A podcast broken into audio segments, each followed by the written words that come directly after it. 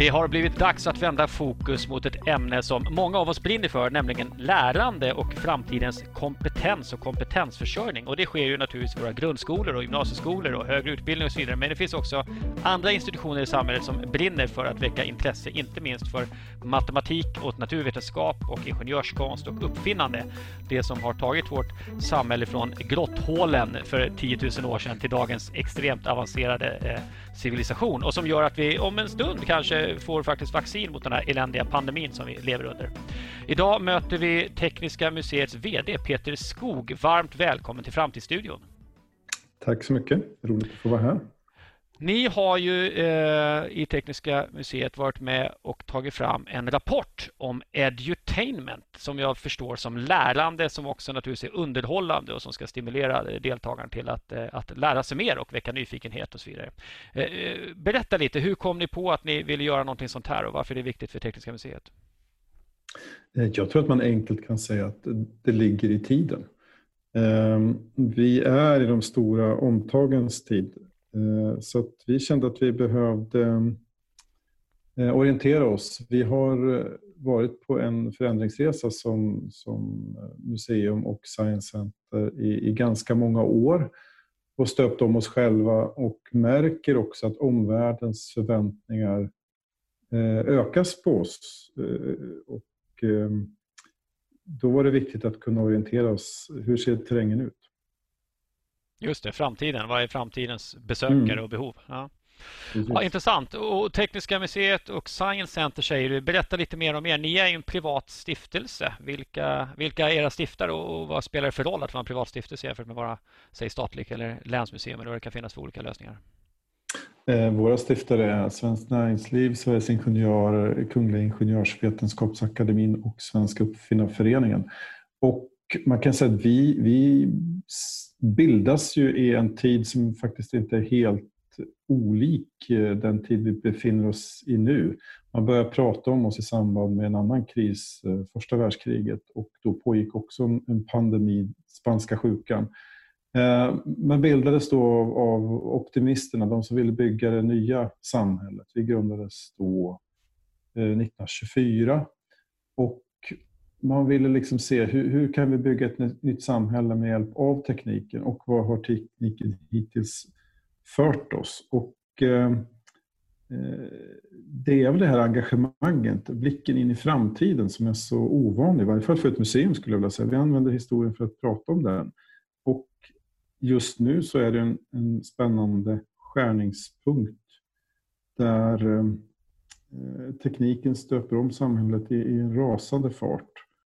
Och om du tittar nu historiskt då, vi pratar om kompetensförsörjning som eh, en del av det som ni jobbar med, alltså inspirera till lärande och, och eh, teknikområdet inte minst. Eh, vad är trenden just nu när det gäller utbildande av människor till sig ingenjörer, eh, den biten av den tekniska sektorn så att säga? Det, jag vet att den har gått ner över tid tidigare. Har det vänt uppåt på senaste året, eller hur ser det ut? Ja, om jag är helt uppdaterad, det vet jag inte, men för, för något år sedan så var den uppåtgående om jag minns rätt. Eh, sen eh, har pandemin eh, påverkat det hela tror jag och fler har blivit intresserade av vårdyrkena men de här hänger ju nu för tiden väldigt mycket ihop så att life science är ju precis som du inledde någonting som eh, också förändrar oss som människor på ett nytt sätt och våra livsbetingelser. Och sådär. Så det, det, är ett spännande, spännande tid även på det sättet att tekniken flyttar in i kroppen och det vi uppfattar som mänskligt flyttar ut som till exempel intelligens AI, machine learning.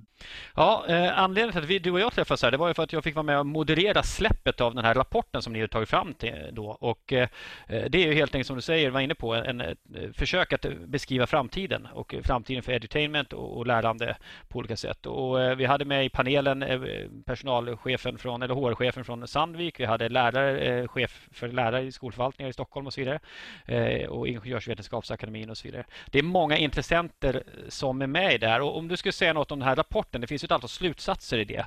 Eh, men är det något speciellt du skulle lyfta fram? Så det här var några grejer som, vi liksom, eh, som, som överraskade mig, eller som jag tyckte var liksom pärlorna i det som vi såg i den här omvärldsanalysen.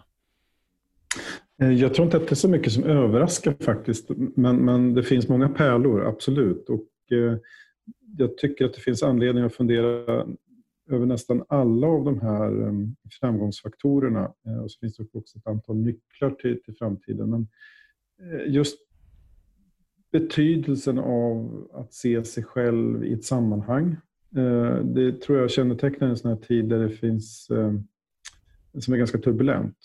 Och hur viktigt det är för unga människor för att de ska kunna orientera sig. Men det blir också viktigt för, för vuxna eh, när tillvaron ändras på så, på så många sätt och så fort. Det tog jag verkligen med mig och liksom det här att man vill göra saker tillsammans. Man vill, man vill bidra, eh, men man behöver kanske lite vägledning om hur och på vilket sätt. Och sen betydelsen av de här eh, wowen, alltså insikten som skapar då nyfikenhet och engagemang. Eh, det, det bär vi verkligen med oss. Sen finns det utmanande saker. Eh, som det här att expandera i tid och rum. Och där är vi verkligen på tekniska. Vi flyttar ut i både det digitala rummet men också det fysiska. Vi har bet oss ut på vägarna. Men, men hur fixar man det på ett ekonomiskt hållbart sätt? Hur, hur skapar man modeller som eh, motsvarar ett, ett sådant engagemang? Just det. Jag var inne och kollade på er hemsida förstås. Jag tyckte det var intressant. Jag har ju själv barn i, i lämplig ålder också. Eh, om det nu finns några olämpliga åldrar vet jag inte. Men, men det där var just exempel på saker man kan göra hemma också. Experiment, alltså prova på grejer och, och ta ut eh, ja, museet ända in i, in i hemmet. Jag tycker det var, var roligt och intressant att se. Eh, men om jag tar det ett steg längre. Häromdagen var jag med och, i en föredrag och, och, diskussion tillsammans med en helt annan organisation. Men de valde att använda en virtuell mötesplats där vi alla gick runt som avatarer i den här mm-hmm mm -hmm. skapade spacet. Då. De flesta hade inte VR-glasögon men hade man det så kunde man till och med röra sina händer och göra gester och så vidare. Är vi på väg mot den typen av, av museimiljöer då i så fall vad, vad, vad, skulle vi förlora på helt digitala miljöer för, för museum till exempel? Jag tror absolut vi kommer att se eh, fler sådana eh, miljöer. Och jag tror inte att det är antingen eller, jag tror att det, det är både och. Eh, framtiden är digital, både fysisk och digital. Eh, jag tror att det vi förlorar på det digitala, det är ju, vi, vi människor har ju har våra, alla våra sinnen eh, och det tar nog ett tag innan tekniken har kommit fatt eh, i fatt med alla de sakerna. Och sen så kan också tekniken stänga in en lite grann. Men det kan också göra en mer fokuserad. Men, men jag tror att vi inte får tillgång till hela vårt register som människa när vi inte ses fysiskt. Nej, just det. Det är väl bara att gå till nuet. Jag tror att väldigt många, jag sitter hemma och, och arbetar precis som jag har förstått att du gör. Man, man, det finns fördelar men, men gud vad man saknar att få, få träffas och eh, eh, få det här mötet och samtalet som, som eh, har den här spännvidden, både högt och lågt. Eh, skratten, eh, det som glimmar till i ögat, så det, det, är ju det som gör oss till människa. Vi är relationella helt enkelt. Mm. Samtidigt intressant, för jag tänker det finns ju en skillnad. Vi som då i det här sammanhanget kanske kallas för lite äldre, vi tycker att nej, man träffas ju inte på riktigt när man träffas över nätet. Medan en del yngre har haft sina bästa samtal med, med nära vänner eh, via eh, chattar och, och, samtal i, i gamervärlden till exempel. Där, där finns inte någon upplevd tröskel så att säga. Eh, för det. Så det är intressant att se hur det påverkar eh, hur framtidens eh, museidirektörer kommer jobba med de olika medierna beroende på vad de är uppväxta med, gissar jag. Eller vad tror du? Ja, det tror jag absolut. Och där har nog för yngre generationer redan flutit ihop på ett, på ett sätt där man upplever det som händer i, i en mobil som snarast en förlängning av, av det egna jaget. Mm. En sak som rapporten lyfter det är möjligheten för edutainers. Och med det menar vi här så att säga. Eh, det kan vara institutioner som museum och så vidare men det kan också vara eh, lärare i viss mån och andra typer av utbildare som, som kan välja den här approachen till, till lärande och utbildande. Så att säga. Men i rapporten lyfter möjligheten för edutainers att vara objektiv arena som behövs för att vinna målgruppers förtroende även när kommersiella aktörer kanske vill bidra till lustfyllda lärande. Alltså vi har ju diskuterat sanning väldigt mycket sista tiden. Vad är sant? Och där, där eh, vi till och med kommit till lägen där folk har kallat saker för alternativa fakta som om, som om eh, utmaningen med att verkligen eh, vad ska jag säga, beskriva verkligheten. Forskningen brottas hela tiden med att förstå verkligheten och beskriva vad som är objektivt sant. Och så, den har gått så långt att man kan säga att ja, forskningen kom fram till både A och B. Det är bara alternativa fakta på något vis. Att säga. Men här i den här rapporten så lyfts idén att eh, edutainers kan vara en objektiv arena där olika aktörer möts och kan få trovärdighet att berätta om hur världen funkar och så vidare. Eh, vad, vad, tänker du om det eh, i framtiden? Här, vad, vad, ser ni er väg framåt? Eh, har ni mer kontakt idag med andra aktörer än man hade för fem tio år sedan? Och, och hur, hur den här sanningsproblematiken, märks den hos er kring, kring eh, vad som är fakta och inte? Eh, jag tycker att det känns... Museer och science center har en, en generellt sett väldigt hög trovärdighet. Eh, jag tror att vi måste inse att vi uppfattas på det sättet. Vi måste vara rädda om den positionen. Vi måste vara noga med att jobba utifrån um, faktabaserade underlag, utifrån vetenskapliga rön. Mm. Um, vi måste våga komplicera saker samtidigt som vi rör oss in i en tid där man eh, liksom söker snabb eh, tillfredsställelse genom olika typer av kickar och sånt där. Så att, med det sagt så, så, så tror jag att vi har en väldig... Om vi är rädda om det så har vi en väldig tillgång. Alltså kunskap kommer att vara en tillgång. Och det ser vi också att vi blir liksom approcherade av de som vill ha tillgång till det vi gör. Man vill vara med sådana här aktörer. Man vill ha science center på, i köpcentra. Dels för att få Eh, människor att stanna längre och konsumera men också för att det ger eh, någon slags eh, ökar jag ska säga, inte, tro, inte ett alibi för att handla, men att tillsammans så, så, så skänker det någonting av trovärdighet. Så att jag tror definitivt vi har en, en, en viktig roll att fylla här i relation till de kommersiella utrymmena. Vi har en enormt viktig roll att spela när det gäller att vara en motvikt till fake news och stå upp för vetenskap. Eh, och det har vi väl också gjort tillsammans med till exempel vetenskap och allmänhet eh, som sektor och helhet. Och där behöver vi flytta fram positionen mycket, mycket mer tycker jag. Ja, Men vi behöver ju liksom vara relevanta, uppfattas som relevanta. Det, det, där måste vi eh, skärpa till oss att eh, fler eh, tycker att det är intressant att ta del av det vi gör. Men det är intressant nu att säga flytta fram positionerna avsevärt och du säger skärpa till oss. Vad, vad menar du med det? Vad är, vad är det fram, här är vi inne på det som rapporten försöker beskriva, framtidens eh, framgångsrika edutainers. Vad, vad är i ert fall att skärpa till sig? Det är en intressant formulering. Ja, men jag kan väl tycka att eh, hur vi berättar saker, hur vi gör saker eh, i storytelling är någonting som rapporten lyfter.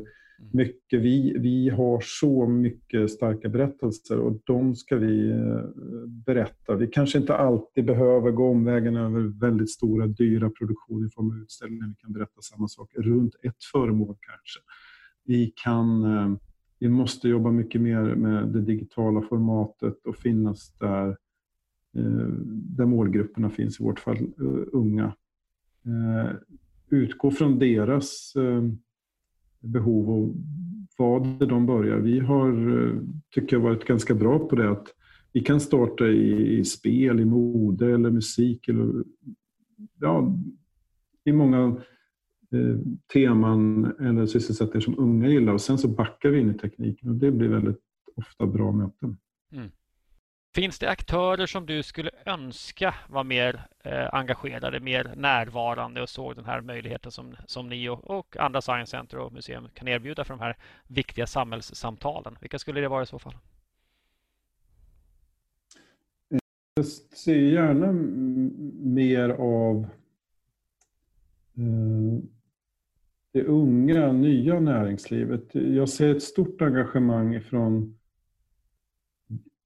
traditionell industri, för de har ju förstått vad eh, det här med eh, kompetensförsörjning betyder. Eh, för att kunna finnas på, på en ort så behöver man jobba uthålligt och länge och väldigt eh, målmedvetet. Eh, och nu får vi en ny typ av ekonomi eh, med Spotify, Klarna och de här bolagen.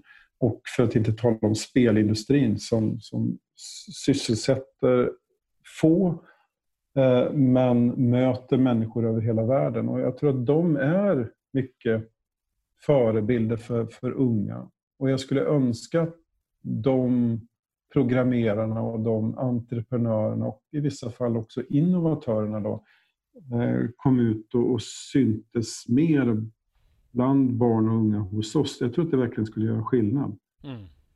Ja, de har ju redan en koppling innan så att säga och en relation egentligen.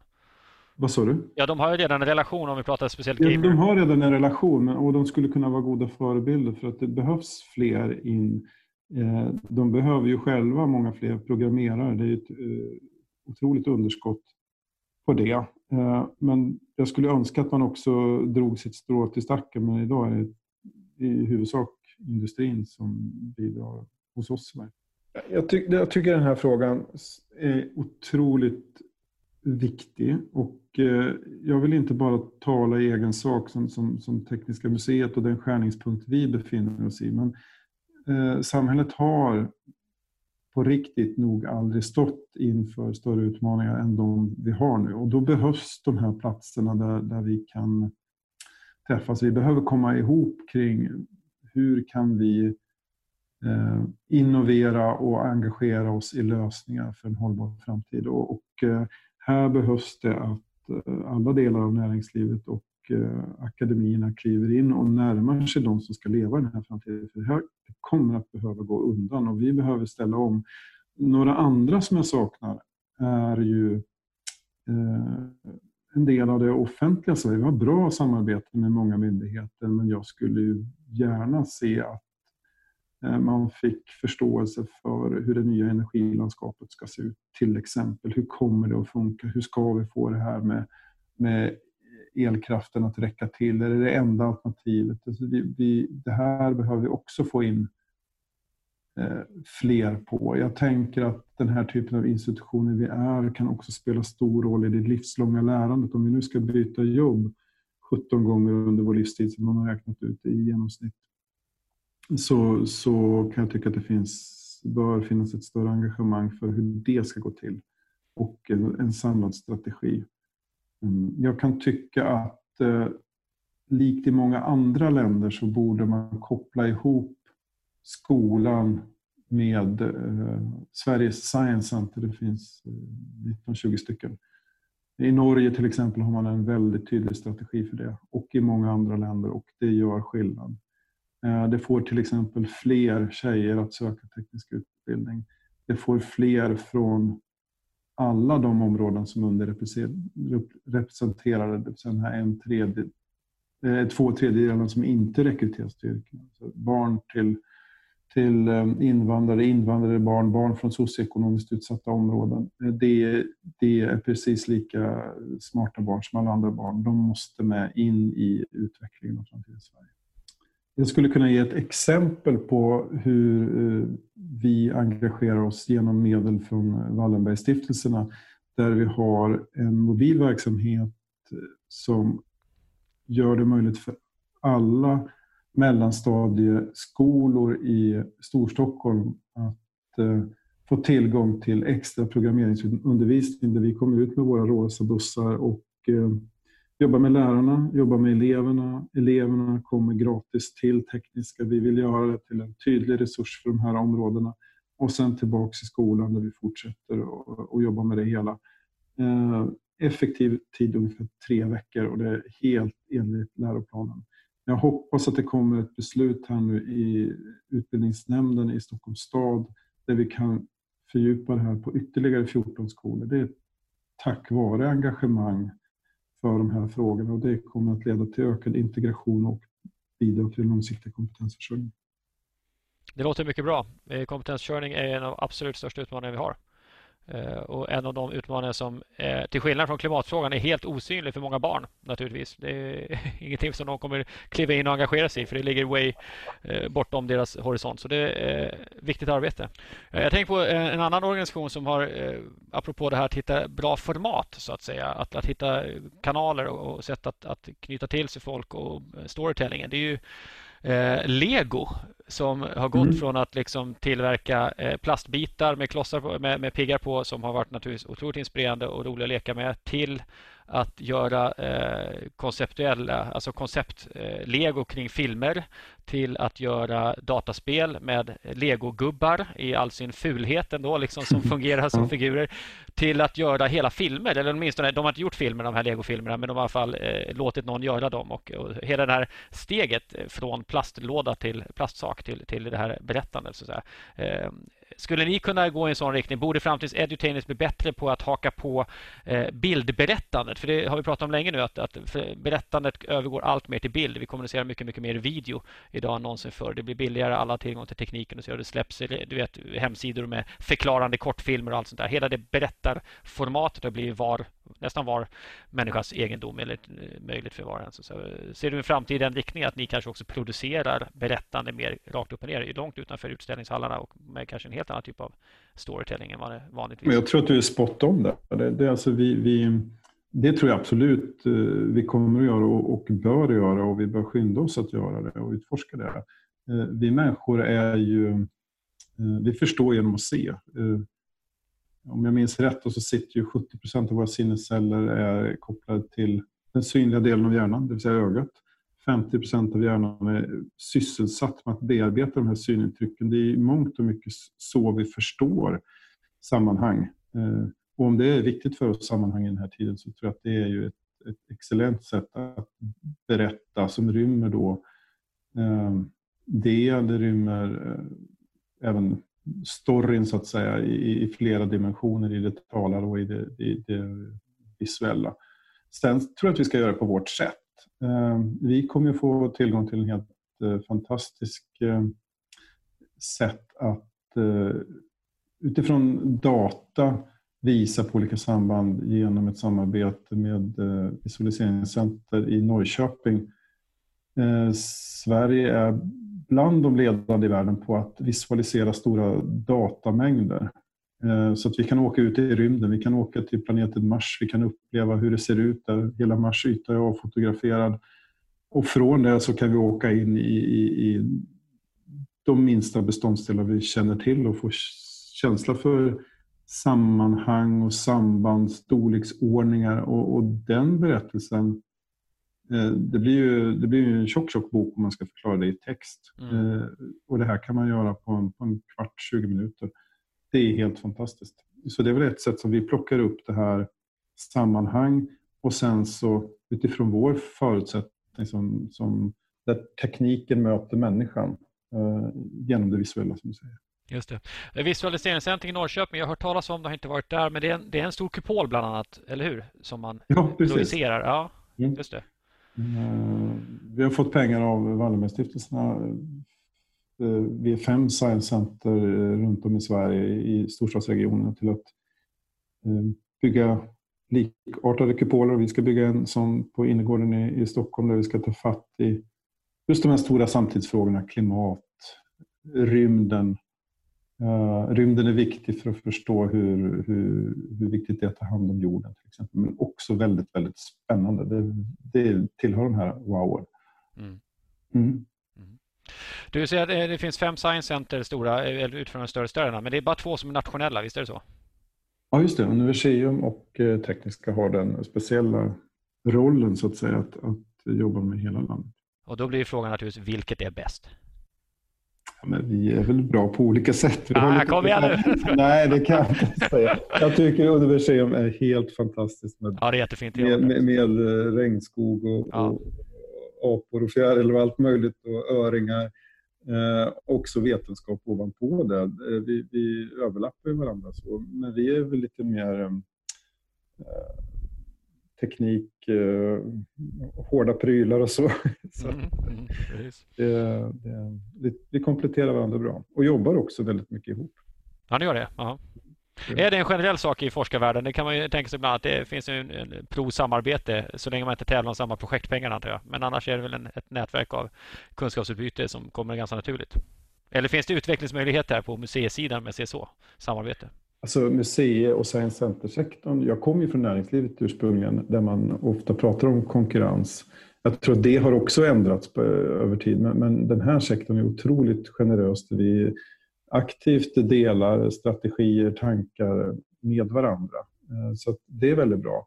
Och sen så måste, är ju också forskarsamhället, de, de de brinner ju för att få dela med sig av eh, vad de har kommit fram till. Och också möta och få prata om de här sakerna. Kan det vara si eller så? Hur, hur vill vi ha det? Life science är ett sådant område där det händer så mycket men vi har ett underskott av samtal. Och där vill ju forskarna få till. Och det behöver vi också... Eh, där har vi en viktig roll att spela tycker jag. För att eh, det finns, om man tittar på vår målgrupp, unga, en ganska eh, utbredd eh, oro. Eh, och, den delades av många andra också över, över framtiden med klimat och sånt här. Samtidigt så händer det otroligt mycket på eh, både i näringslivet och, och, i forskningen och samhället. Och de här möts inte riktigt och kan inte liksom nå fram till allmänheten på ett bra sätt tycker jag. Och där, där är väl i varje fall tekniskas absolut viktigaste roll. Att se till att facilitera de här samtalen och de här mötena. Vi behöver inte alltid hålla i micken. Det är en omöjlig position för ett, eh, en institution som våran. Men att se till att vara matchmaker, absolut, det tror jag är vår framtid. Men om jag förstår dig rätt, du tänker att eh, det är många unga som säger som är oroliga för framtiden på olika sätt och näringslivet och forskningen har ibland lösningar som inte är allmänt kända. Är det, är det den spåret du är inne på lite grann också? Ja, det, så är det. Mm. Tveklöst ja. Ja, det är intressant det där, för jag tänker att eh, när eh, när antalet ingenjörer växte i samhället och teknik, teknikoptimismen var stor, då, då, kunde man verkligen förstå att det fanns ett väldigt hopp kring vad tekniken skulle kunna göra. Och sen har vi haft perioder när tekniken har ifrågasatts och ingenjörsyrkena har tappat i, eh, i, popularitet och så vidare. Eh, och är det så att vi har en, en, omskolning att göra där, eller på något sätt eh, berättandet om potentialen i det här? Är optimismen för liten vad gäller teknikens möjligheter? Vad säger du? Jag tror tekniken eh, och eh, vårt, eh, vårt, vår samhällsform har ett stort problem. Vi har aldrig haft det bättre, men vi har aldrig heller stått inför större utmaningar där vi utnyttjar jordens resurser i en utsträckning som inte är hållbar. Och tekniken har gjort det möjligt och vi överkonsumerar. Här, vi måste på något sätt nyktra till, vi måste se det. Så tekniken måste ju också visa att den kan bidra till lösningarna på det här. För jag tror att det är väldigt svårt att backa bandet för oss människor. Jag tror inte vi kommer vilja eh, leva på ett annat sätt. Vi vill inte vara utsatta för pandemier. Vi vill kunna eh, ha det här välståndet och där har ju Sverige en hög ambition att bli det första Eh, klimatneutrala välfärdssamhället. Och, och, det ska vi ju prata om mycket. Hur vill vi ha det? Hur ska det vara? Det, det, det är ett samtal som måste föras på många platser, men bland annat på tekniska. Ja, då ska jag komma med en direkt önskan här, för att jag har gått och klurat på det själv också, att det känns ju som att eh, åtminstone i min värld och det jag ser så saknas det ju en eh, röst eller röster som beskriver hur det här omställda samhället egentligen skulle upplevas. Alltså vad är det att leva i det omställda samhället där vi kanske dels måste göra vissa andra prioriteringar men då också tekniken och de tekniska lösningar som kanske redan finns i liten skala eller på åtminstone experimentstadium eh, att de är in action. Och då har det varit superspännande om ni kunde visualisera det. Man får kliva in i en VR-värld och uppleva liksom delar av en vardag och få en bild av om det är så här det skulle bli. Det här är någonting att jobba för. Det är liksom inte ett begränsat mindre liv eller fattigare liv utan eh, de här grejerna skulle vara möjliga. Det har varit jättespännande. Tycker du det?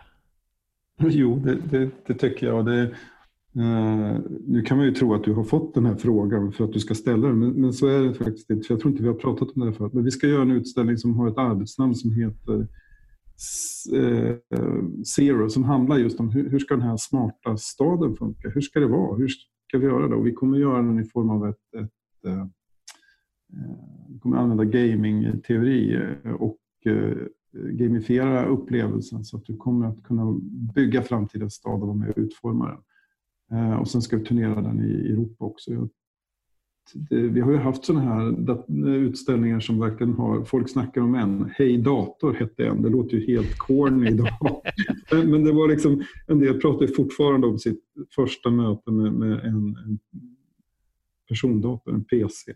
Ja, just det. Eh, det hände oss, vi hade en sån utställning. Jag tror den här lite, kommer vara lite av samma karaktär. Ja, men det låter lovande. Vi får vara med och utforma samhället. För att vi kommer kunna göra så mycket med tekniken, men hur vill vi ha det? Det är den stora frågan. Ja. Det får mig att tänka på en amerikansk, jag tror en amerikansk firma som heter Marshmallow Laser Feast. Som, eh, ja, är väldigt Obekant för mig kan jag säga.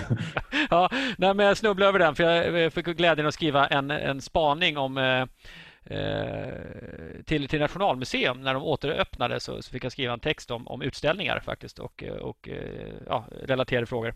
Och då hittade jag dem bland annat och de har alltså gjort VR-upplevelser av hur en mygga flyger genom skogen typ och upplever naturen. Mm. Eh, och då man kan sitta i skogen och se liksom alla flöden i trästammar, så se livet omkring som man inte riktigt ser när man sitter mitt i det utan, eh, på riktigt. Utan då har de gjort en sån eh, visualisering. Då. Och Det som var intressant de lyfte var ju att när de har gjort den här filmen om myggan så slutade flera av dem att slå ihjäl myggorna. Alltså man fick någon slags relation till det av att man kunde se det. Det där är också en intressant sak att fundera på i utställningssammanhang. Så att säga, vad, vad man kan eh, skapa en annan relation till naturen och hållbarheten som du är inne på. Det var det jag tänkte på här. För det var, det var rätt intressant effekt. Så jag vet inte om det var vetenskapligt belagd men de, eh, anekdoten var den att de berättade att det, nej, när man varit det där och sett det där då fick man liksom en annan, en annan relation. Jag, jag hade just en sån upplevelse i, i eh, en domteater faktiskt. Jag tror att det var en produktion av National Geographics Eh, som han, de, det var en trollslända som man fick se och man kunde se då att, om jag minns rätt igen, att trollsländan som har fyra vingar kan rotera de här oberoende av varandra om man kör det här tillräckligt okay. sakta. Så att det är en otroligt avancerad helikopterliknande varelse som gör att den just kan stå stilla. Den kan backa har man ju sett. Man undrar hur sjutton går det där till? Eh, flyga baklänges. Så det finns ju mycket sånt där som man sen då kan ta in i, jag tror att det heter mimetik, alltså naturhärmande eh, tekniska lösningar. Mm. Eh, de här bikakekonstruktionerna till exempel. Och då är ju tanken att man tar det här från de här upplevelserna och sen så har labb där man får gå ut och pröva att konstruera, att göra. Så både, både koppla ihop då intrycket med tanken och handen. Eh, själva görandet. Och det, där är ju roligt att vara den typen av museum som vi är. För jag tror att det bidrar till eh, en upplevelse som, som man bär med sig. Eh, och där tänker jag också att eh, andra typer av museer eh, skulle kanske utveckla den delen mera. Jag jobbade under en längre tid på världskulturmuseerna. Mm som jag tycker är otroligt eh, relevanta i vår tid. Eh, men när jag kom in i den här science center-världen som är ny för mig så såg jag oj, det här görandet, det hade jag ju önskat mig mer av inom mer klassiska eh, museer. Sådär. Mm. Har ni någon sån relation med forskarvärlden? Att, skulle ni kunna vara en brygga mellan forskare och alltså, provpersoner, respondenter, testare och sådana saker? Ja, men det är vi ofta återkommande. Ja, ja det är ni. Ja. Ja, ja det, så funkar det. Eh, och människor vill ju vara med. Mm. Eh, och jag tror att vi ut, i ännu större utsträckning ska vara just den här platsen för utmaningsdriven innovation. Och eh, om jag skulle resonera då som, som museidirektör, liksom, vad är vår främsta tillgång om jag pratar med våra intressenter? Ja, men det är två eller det är samma tillgång, men man kan uttrycka det på lite olika sätt. Det ena är ju själva publiken, besökarna.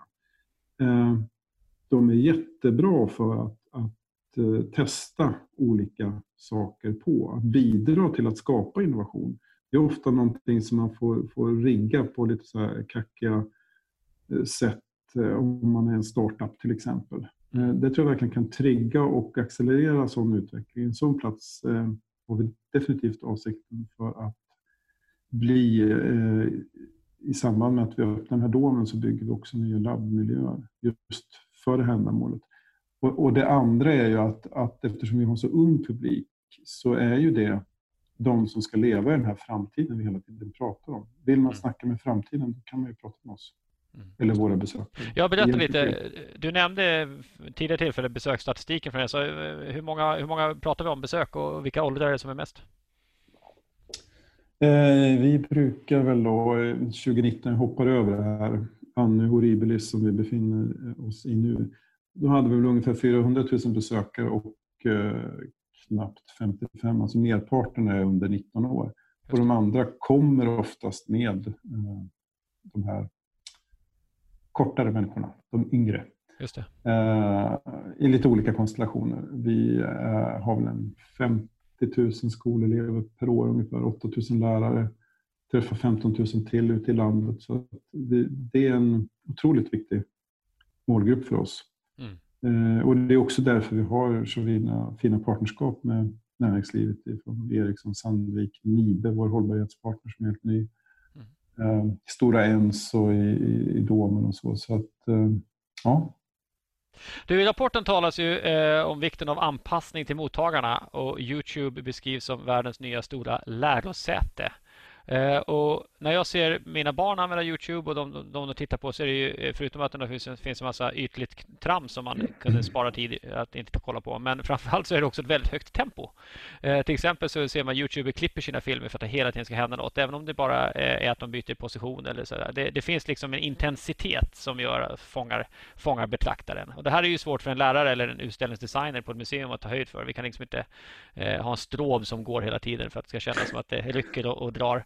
Eh, men vad, vad, tänker du? Vad, hur ska framtidens edutainers förhålla sig till de unga mediekonsumenterna som, som eh, är vana med den här höga typen av väldigt egentligen basal stimuli. Det är ju liksom inte chockerande saker de har relaterat till, men det är ett format som hela tiden får hjärnan aktivera liksom, eh, en känsla av att det rör sig på något sätt. Vad, vad ska man göra med det? Jag tänker att det här är väl precis platsens styrka. Alltså i, I det fysiska rummet så kan man jobba med alla medier bara genom hur du sätter, eh, gestaltar ett rum så kan du sänka tempot. Eh, eh, precis som man går ut och skogsbadar så kan du skapa sådana miljöer där man sänker tempot, öppnar sinnet, eh, öppnar för reflektion eller höjer tempot eh, eller utsätter dig för olika typer av känsloreaktioner som, som får dig att, att reagera, att minnas, att vilja engagera dig. Och det är just det jag menar, att det, det är det vi måste bli bättre på. I rapporten så diskuteras också eh, naturligtvis användandet av digitala kanaler och sociala medier. Vi pratade om unga människor. Nu är det alla som använder sociala medier. Vi måste sluta med det här och prata om att det är bara unga som är digitala. Det är lite förlegat vid det här laget.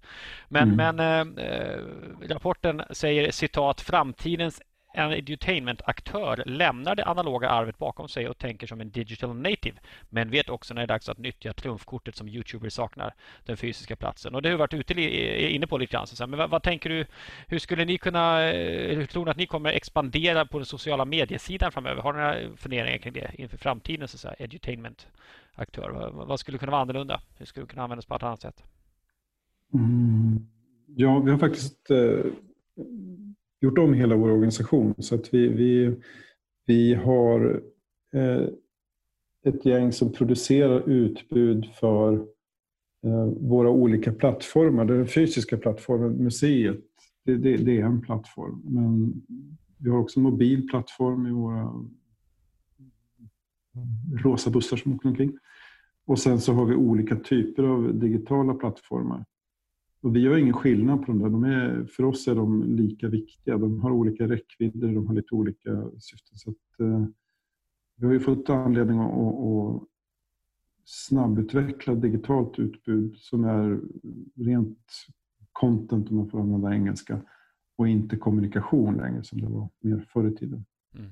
Så nu är det rent innehåll vi producerar för en digital värld. Och det, för att svara på frågan då, det blir, jag tror det blir ännu mer eh, innehåll, content i våra sociala kanaler också. Just det. Använder ni någon slags influencers och så vidare eller någon slags vardagsinfluencer man pratar om? Folk som är, mm. kommer dit och delar saker?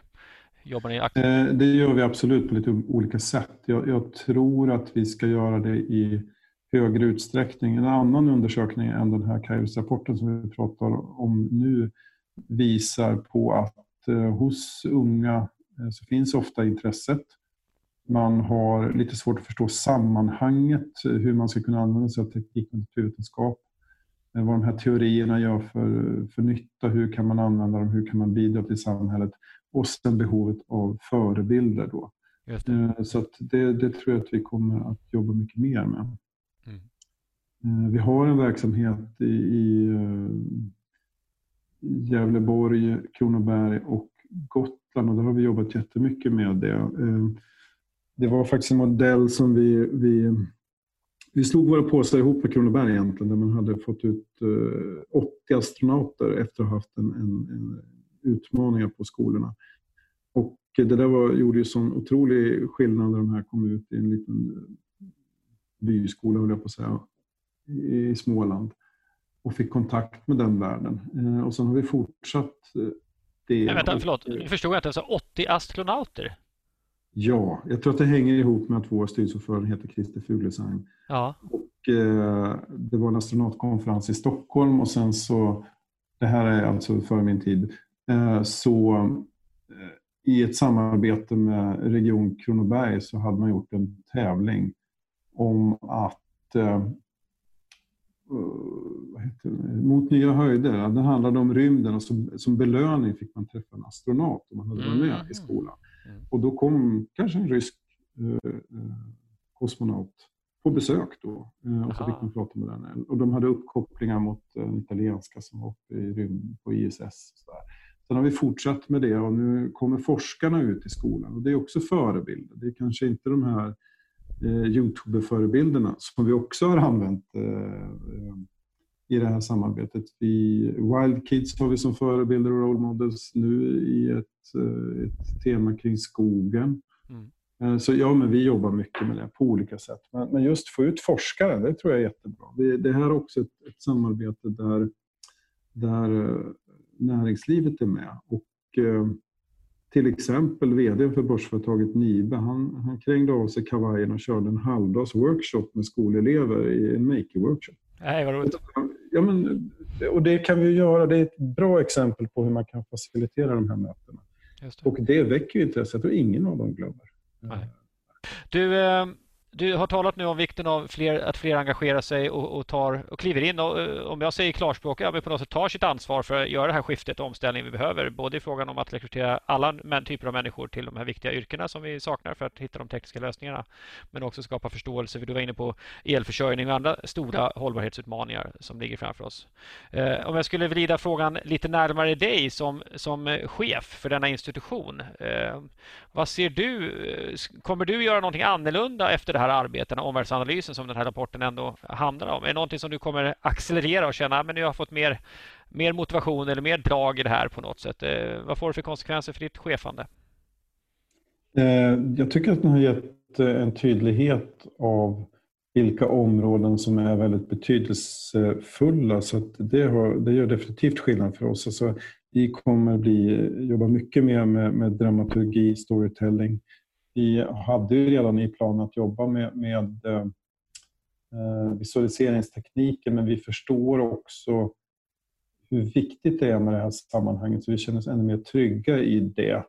Eh, och Det är väl också någonting som vi vill sen ta ut på fler plattformar så att vi kan nå eh, elever i klassrummet till exempel med, med den typen av innehåll. Vikten av samarbete på alla olika ledder. Eh, det här kring visualiseringsteknik, ja. Eh, men också med våra intressenter, och att vi kan jobba tillsammans att lösa de här utmaningarna. Så att, var det svar på frågan? Ja, det tycker jag. Det var det. Du, eh, det börjar bli dags att runda av. Vi har tuggat på här en stund och jag tycker vi har fått en bild av ert arbete och omvärldsanalys. Och det är många olika spår. Det finns eh, fler eh, insikter och eh, rekommendationer kan man säga i den här rapporten. Framgångsaktorer för framtidens edutainment-aktör. Och eh, var får man tag på rapporten? Den kan man ladda ner på vår hemsida och på Kairos Futures hemsida. Ja. Så där kommer den i inläst version apropå olika format och tillgänglighet. Mm. Det här var trevligt. Ja, det hade varit trevligt. Ja. Nu tog du mig off guard här. Ja, precis. Ja, apropå, jag är ju, jag är ju vän av poddar så jag orkar inte, jag läser ingenting nu för tiden. Det är bara pekböcker och videos och så. du är modern människa. Ja, eller... ja, jag, gillar, jag gillar att läsa. Barbar kanske. Ja, precis. Ja, men jättetack Peter för det här samtalet och eh, lycka till framöver. Jag hoppas vi ses snart igen. Jag kommer garanterat besöka museet. Nu är jag där för inte så länge sedan så att, eh, det får dröja ett tag. Men jag ser fram emot den här nya visualiseringskupolen eh, och inte minst utställningen du pratade om om det omställda samhället. Så stort tack för ditt besök i Framtidsstudion. Tack så mycket och när du kommer så tror jag att du kan sätta foten på Mars och känna hur det luktar där när du får slå upp portarna igen. Det låter ju helt fantastiskt. Mm. Med det säger vi tack för den här gången fram till studion. Eh, påminner förstås om möjligheten att eh, höra av sig, prata mer om den här rapporten, ladda ner den och du som känner att du leder en organisation som behöver ta en titt på framtiden och eh, summera tankar och klokskaper i ett dokument för internt eller externt bruk. Välkommen att höra av dig. Och sen har vi förstås våra utbildningar som ständigt ligger ute på vår hemsida. Välkommen att kolla på det. Tack för uppmärksamheten. På återhörande. Jag heter Fredrik Thorberger.